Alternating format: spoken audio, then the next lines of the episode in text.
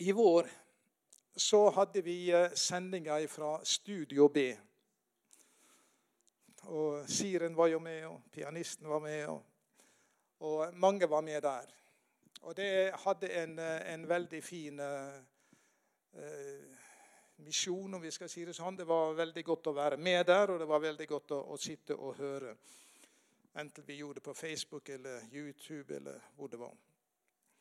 Den siste gangen vi sendte der fra Studio B, da var Exodus med. Og den siste sangen de sang Der er det ei strofe som hele sangen er bygd omkring. Og den strofa har jeg Unnskyld. Men den har levd med meg i hele sommer. Og jeg har, eh, jeg har måttet gått inn på YouTube og så finne Ahela Jackson, som vel har skrevet den, og som synger den. En gammel video så synger hun sånn som bare hun kan synge. I found the answer. I learned to pray. With fight to guide me, I found the way. Jeg har funnet svaret. Og når hun synger, så ser vi det er ikke en byrde som hun synger om men det stråler ifra ansiktet på henne. Hun har funnet svaret. I learn to pray. Der var svaret. Og jeg syns det, det har som sagt runga i mitt indre. Men så har jeg, kjent det har, det har vært en liten bismak. Jeg kan si det sånn. En liten bismak og hva er bismaken? Jo, det er at jeg har sagt til meg sjøl, Olav Det her har du visst i mange, mange år. Du har visst at svaret er der. Åssen er praksisen din? Og jeg må innrømme, kanskje noen av dere òg, praksisen har ikke vært alltid som den burde være. Og Når jeg skal si noe om dette i formiddag, så er det ikke en byrde som blir lagt på oss. Spill videoen til meg, Haila Jackson, og du vil se det stråler et ansikt som har funnet svaret. Svaret på våre utfordringer. Svaret på menighetens utfordringer. Hvor ligger de hen? I learn to pray. Der er svaret. Og jeg har lyst til å kort Eller kort, jeg vet ikke hvor langt det blir. Men uh, i alle fall ta dere med på en liten reise gjennom apostlenes gjerninger. For der finner nemlig mennesker som hadde funnet svaret. Og hvordan de forholdt seg til utfordringer, prøvelser, vanskeligheter som kom. Og Allerede i kapittel 1 i apostlenes gjerninger Jesus tar avskjed med disiplene sine. og Så sier han dere skal bli i byen inntil dere blir ikledd kraft fra det høye. Dere skal ikke fly rundt andre steder, men dere skal bli der. Og Så forlot han disiplene, og disiplene dro inn til byen. Og de hadde ingen aning hvor lenge skal vi vente. Hvor lenge skal vi gå omkring? Hva skal vi gjøre? Mens vi venter på det som Jesus lovte oss.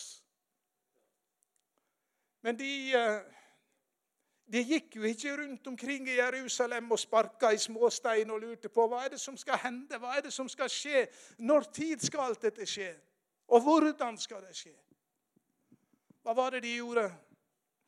Jo, det står fra kapittel i, vers 12 der så står det utover mange navn som var sammen. Og så står det at alle disse holdt trofast sammen i bønn sammen med noen kvinner og Maria, Jesu mor.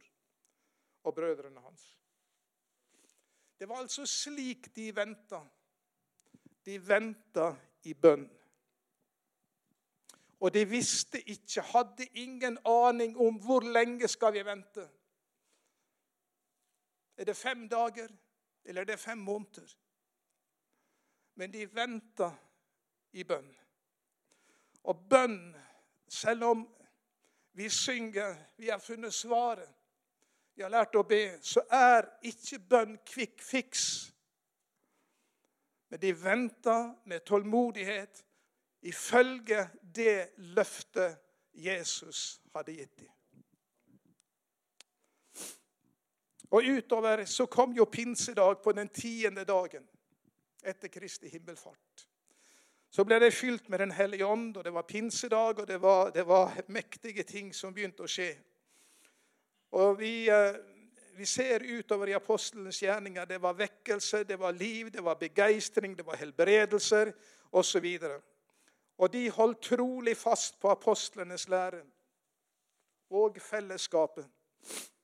Og brødsbrytelsen og bøndene. Det var det som gikk igjen i denne første menigheten. Og de opplevde mange sterke og store ting.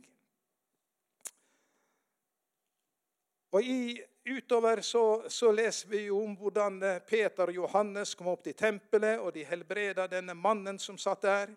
Og det ble diskusjoner med, med de skriftlærde og fariseerne, og det, det, det, det, liksom snørte seg til rundt dem. Men eh, de var veldig frimodige og sa vi kan ikke la være å tale om annet enn det som vi har sett og hørt. Og så kom de tilbake til eh, De var jo, de var jo både kalt inn til avhør og forskjellig. Og så kom de tilbake til, eh, til eh, vennene, menigheten der. Og de eldste, hva gjorde de? Når de kjente at det begynte å stramme seg til rundt om denne nye gudsflokken, menigheten, Jesus-troende, så raste der disse fariseerne og de skriftlærde. Hva gjorde de da? Jo, da de hørte det, da ba de samstemmig til Gud. De visste svaret. Svaret er ikke å gå inn i forhandlinger med de skriftlærde og fariseerne. Svaret er ikke å finne på noe kløktig uttenkte saker og ting. Men svaret, det ligger i å be. Og så løfta de sin røst til Herren. Og de ropte til Gud, hold øye med fiendens trusler. Hold øye med dem. Rekk ut din hånd til helbredelse, tegn og undergjerninger ved din hellige tjener Jesu navn. Og de ba, og Gud svarte så stedet der de sto på skalv i sine sammenføyninger. Og de ble fylt med Den hellige ånd og frimodighet og talte Guds ord. Svaret på prøvelsene, som begynte allerede så tidlig, det hadde vi funnet. Det var å rope til Gud. Og Utover i, i uh, kapitlene, når vi leser i, uh, i apostlenes gjerninger, så finner vi jo prøvelser. Vi finner Stefanus som ble steina. Det brøt ut en kraftig forfølgelse.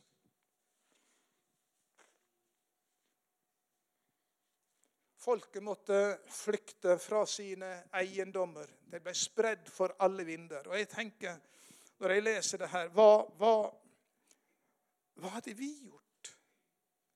Hvis sånn skulle skje i Norge Ja, men det skjer jo ikke i Norge, nei. Men, eh, men, det er mange av våre brødre og søstre rundt om i verden som opplever det. De må fly ifra hus og hjem. Les hva Åpne dører skriver om. Les hva Asia Link skriver om. Les om, om hva som skjer ute i, i verden for de troende. Hva hadde skjedd med oss men det kan jo ikke skje, nei. Det kunne ikke skje det med koronasmitten heller. Og verden ble Men disse som opplevde det, de ble spredd omkring, og de vitna for mennesker. De forkynte evangeliet, det ble vekkelse. Philip dro til Samaria osv. Og, og Saulus, som raste imot menigheten og kasta en del i fengsel osv., så, videre, så dro han til Damaskus og så møtte han Herren. Det skjedde noe hele veien. I kapittel 12 eller i kapittel 9 så står det at det ble en ny tid i, eh, for menigheten i Jerusalem. Faktisk så ble det slik at eh, kirken hadde nå fred over hele Judea og Galilea og Samaria. Og Den ble bygd opp og levde i ærefrykt for Herren, og den vokste styrket ved Den hellige ånd. En tid med fred. Men de mørke skyene var ikke borte. De truende skyene over hva skal vi si, menighetens himmel på en måte, de var ikke borte. Det skjer noe. I kapittel 12 så får vi en, en ny dreining. Og Der begynner saker og ting å, å, å bli vanskelig for menigheten. Det står på den tid la kong Herodes hånd på noen i menigheten og for hardt fram mot dem. Jakob, bror til Johannes, ble henrettet med sverd. Og Da Herodes merket at jødene likte det, gikk han videre og fikk grepet Peter også. Det var de usyredes brøds høytid. Og Etter at han var tatt, ble han kastet i fengsel, det var fire vaktskift osv. Og, så og etter påske bestemte Herodes at Peter skulle tas livet av. Hva gjør menigheten da? To av de sterkeste søylene var borte. Jakob var henretta. Peter skulle henrettes. Og så sitter menigheten igjen. Hva gjør vi nå? Hva gjør vi nå? Prøv å tenke oss inn i det. Skulle de gå inn i forhandlinger med Herodes?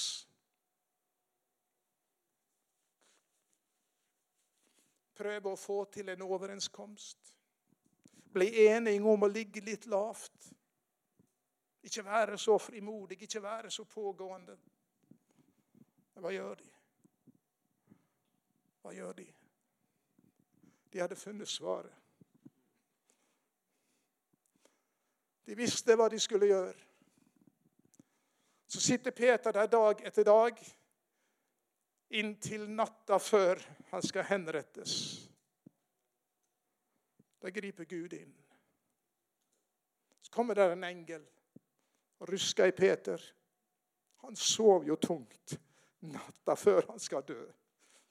Han skal henrettes. Det er jo bare helt ufattelig. Engelen rusker. Ja, Peter, nå må du stå opp. Stå opp. Lenker på alle hender og føtter. Fire vaktlenkene faller av marsjerer ut. Portene åpner seg. Hva gjør Peter da? Hva vet Peter for noe? Går han rundt og lurer på hvor, hvor skal jeg finne de hen? Hvor har de gjemt seg? Nei, menigheten har ikke gjemt seg.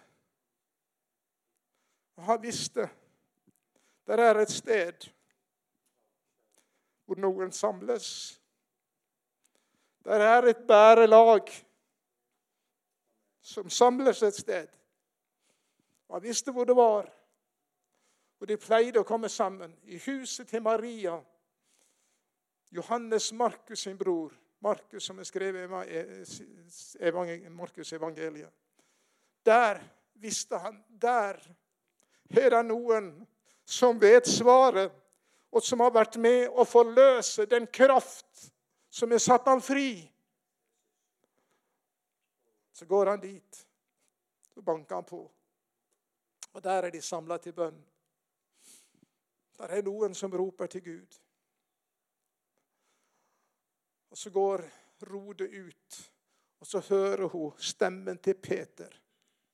Han er jo utenfor. Og så springer hun inn igjen og forteller Peter står utenfor. Og de, de tror hun er fra Sans og Samling. Det kan ikke stemme. Og Så sender de henne ut igjen, og så åpner hun døra, og så kommer Peter inn og forteller hva som har skjedd. Hva hadde skjedd? En menighet som har funnet svaret. De har lært å be. Og Peter, han er fri. Bønnen var ikke siste alternativ når alt det andre var prøvd. De visste det der svaret det, Og de fikk oppleve det var større, det var sterkere enn de egentlig kunne fatte. De ville ikke tro det nesten når det kom der. Men svaret Gud er mye større enn våre tanker og våre, det vi kan forestille oss endog. Så det er det Paulus skriver om i Efeserbrevet. Han som kan gjøre mer enn alt, langt utover det vi forstår, når vi bruker svaret. Vi har også utfordringer, ikke sant? Privat, i vårt eget liv, i vår egen familie, og utfordringer i menighetene. Og Vi kan gjøre mye. Og mye er godt, og mye er nødvendig å gjøre. Både i menighetssammenheng og i vårt private liv. Selvfølgelig. Og vi gjør mye godt, og skal gjøre mye godt, også i menighetssammenheng.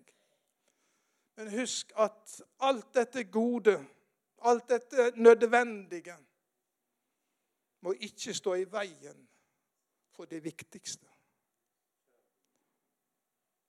Det gode må ikke erstatte det beste. Sant?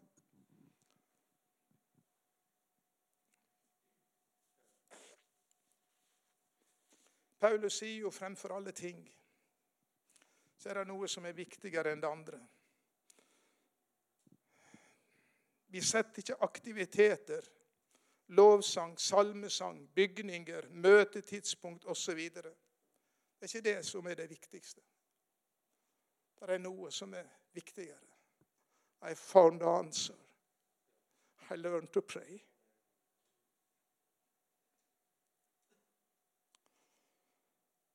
Mitt hus, sier Jesus, skal kjennetegnes av noe. Og Det skjer mye godt i Guds hus. Men kjennetegnet, sier Jesus, det skal kalles et bønnens hus for alle folk. Og Når han sier det, så er det jo selvfølgelig ikke for å legge byrde på oss. Må vi nå be igjen, osv. Og slite oss igjennom lange bønner eller kjedelige bønnemøter eller hva det måtte være. Nei, han, han, vet jo Der er jo svaret. Se på videoen til Heila Jackson. Se hvordan hun smiler. Se hvordan hun stråler. Hun har funnet svaret. I learned to pray. Han har funnet veien. Og den veien, det svaret, må vi også benytte oss av. Jeg så på Visjon Norge eh, her en gang i løpet av sommeren. Så var han eh, Norvald Askeland. Jeg vet ikke om dere vet hvem det er. Men i alle fall, tidlig på 70-tallet så, så, var de samla en bønnegruppe på syv stykker i Bergen. De var samla i bønn. Syv stykker. Og De ba til Gud, ropte til Gud. Og Gud gjorde ting imellom dem. Så de starta en menighet. Jeg var der eh, på 70-tallet, og de var allerede da mange. Nå er det ifølge Wikipedia så er det nå 488 tilskuddsberettigede i 2019. De har menigheter på 14 steder i Norge. Det begynte med syv stykker som var samla i bønn. De har hatt sine utfordringer. Ja visst har de det. Men allikevel er det muligheter for Betania. Vi er jo mer enn syv. Er ikke vi det? Og Gud har gjort noe og brukt noe, menigheten i Betania, til vekkelse i denne byen. Og mange har blitt frelst. Mange har fått møte Gud. I found the answer. Tror vi på det? Kan Gud gjøre det igjen? Ja visst. Bønn åpner veier. Oi. Bønn åpner veier som vi ikke ser. Apostelgjerningene kapittel 10 forteller om Peter. Han gikk opp på taket der i Joppe, Jaffa var det vel han var, og ba til Gud. Og mens han ber, så får han en, en, et syn, og han ser denne duken med ureine dyr som kommer ned. Og du ser at når vi ber, så kan Gud åpne veier og gjøre ting som ikke har vært i vår tanke engang. Men Gud gjør større ting enn vi kan tenke. Og, og når vi, vi, kjenner sammenhengen med mange av dere ikke sant? Han, han fikk besøk fra Cesarea, og, og, um, han skulle bli med dem dit. Og så ble eh, mange eh, av hedensk opprinnelse da frelst i Cesarea. Og du ser at når Peter ba, så var det ikke i hans villeste fantasi at han skulle komme til Cesarea og forkynne evangeliet for hedningene til frelse. Hadde ikke han tenkt på engang. For når han begynte å preke der og forkynne evangeliet om Jesus, så faller jo Den hellige ånd over de som hører. Og da sier Peter, ja, nå Nå forstår jeg at Gud ikke gjør forskjell på folk. At han åpna ei dør også for hedningene. Og de fikk oppleve frelse. Og, og du ser bare at Gud han, han, gjorde noe som var mye større enn de kunne tenke. Så det, det Gud gjør, gjorde den gangen, det kan han gjøre også i dag. Du ser om vi, vi har våre planer, vi har våre tanker osv. Men Gud er større enn våre tanker. Gud er større enn våre planer. I found the answer. I learn to pray. Jeg skal slutte snart. Det er jo slik at Jesus han viser oss Det er ikke bare fellesskapets bønn, men det har også å si med det personlige bønneliv. Jesus trakk seg tilbake mange ganger for å være alene med sin far. Og Det er ikke alltid vi forstår det manglende bønnesvar. Men som jeg sa i begynnelsen bønn er ikke quick fix. Men det er å be i tro og forventning. Tro det Gud har sagt i sitt ord. Og Jesus sier i Matteus evangeliet kapittel 6 Da snakker han om den personlige bønnen. Du, når du ber, da skal du gå inn på rommet ditt. Lønnkammeret står i den gamle oversettelsen. Og så skal du lukke igjen døra etter det. Og så skal du be til Han som ser i lønndom, og som hører i lønndom. Og så står det Og han skal lønne deg. Hvorfor skal vi gå inn og så lukke døra? Fordi at du skal få utøse ditt hjerte akkurat slik du har det. Du skal få fortelle Gud akkurat slik du har det, slik du er, uten å skjemmes.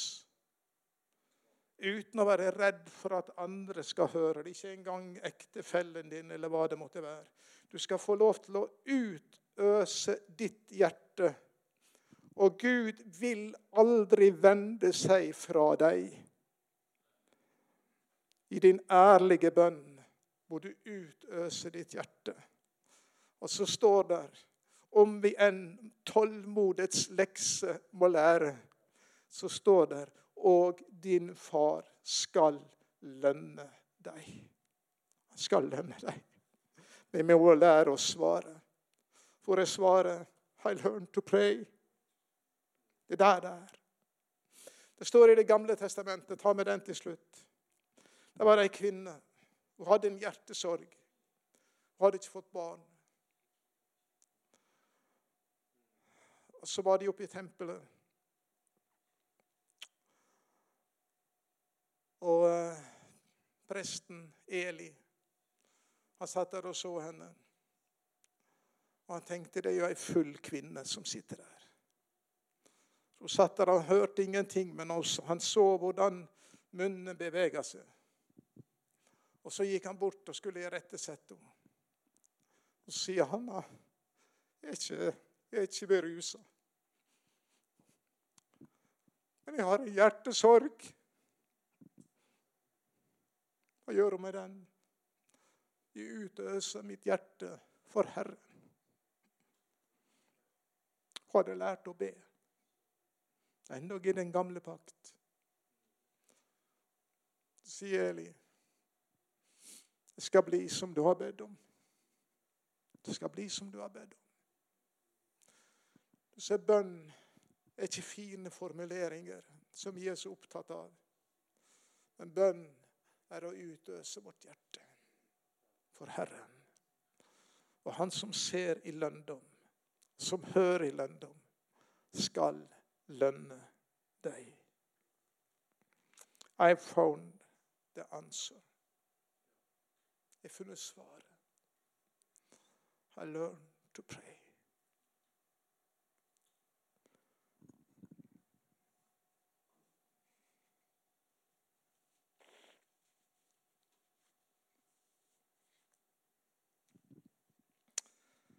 Herre, vi ber deg.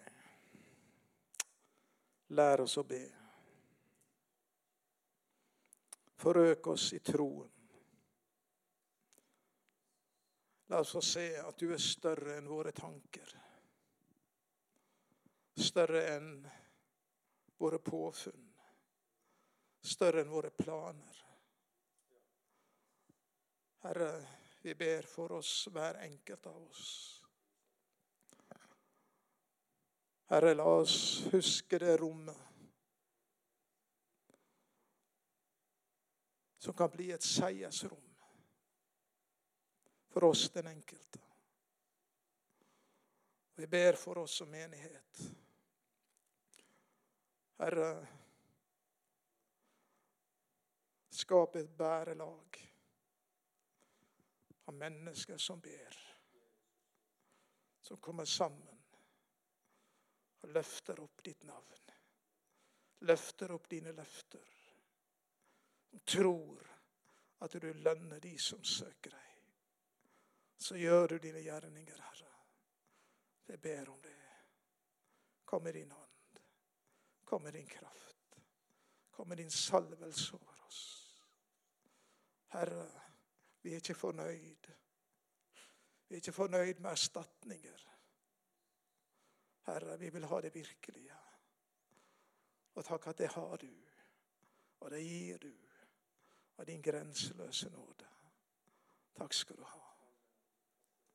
Amen.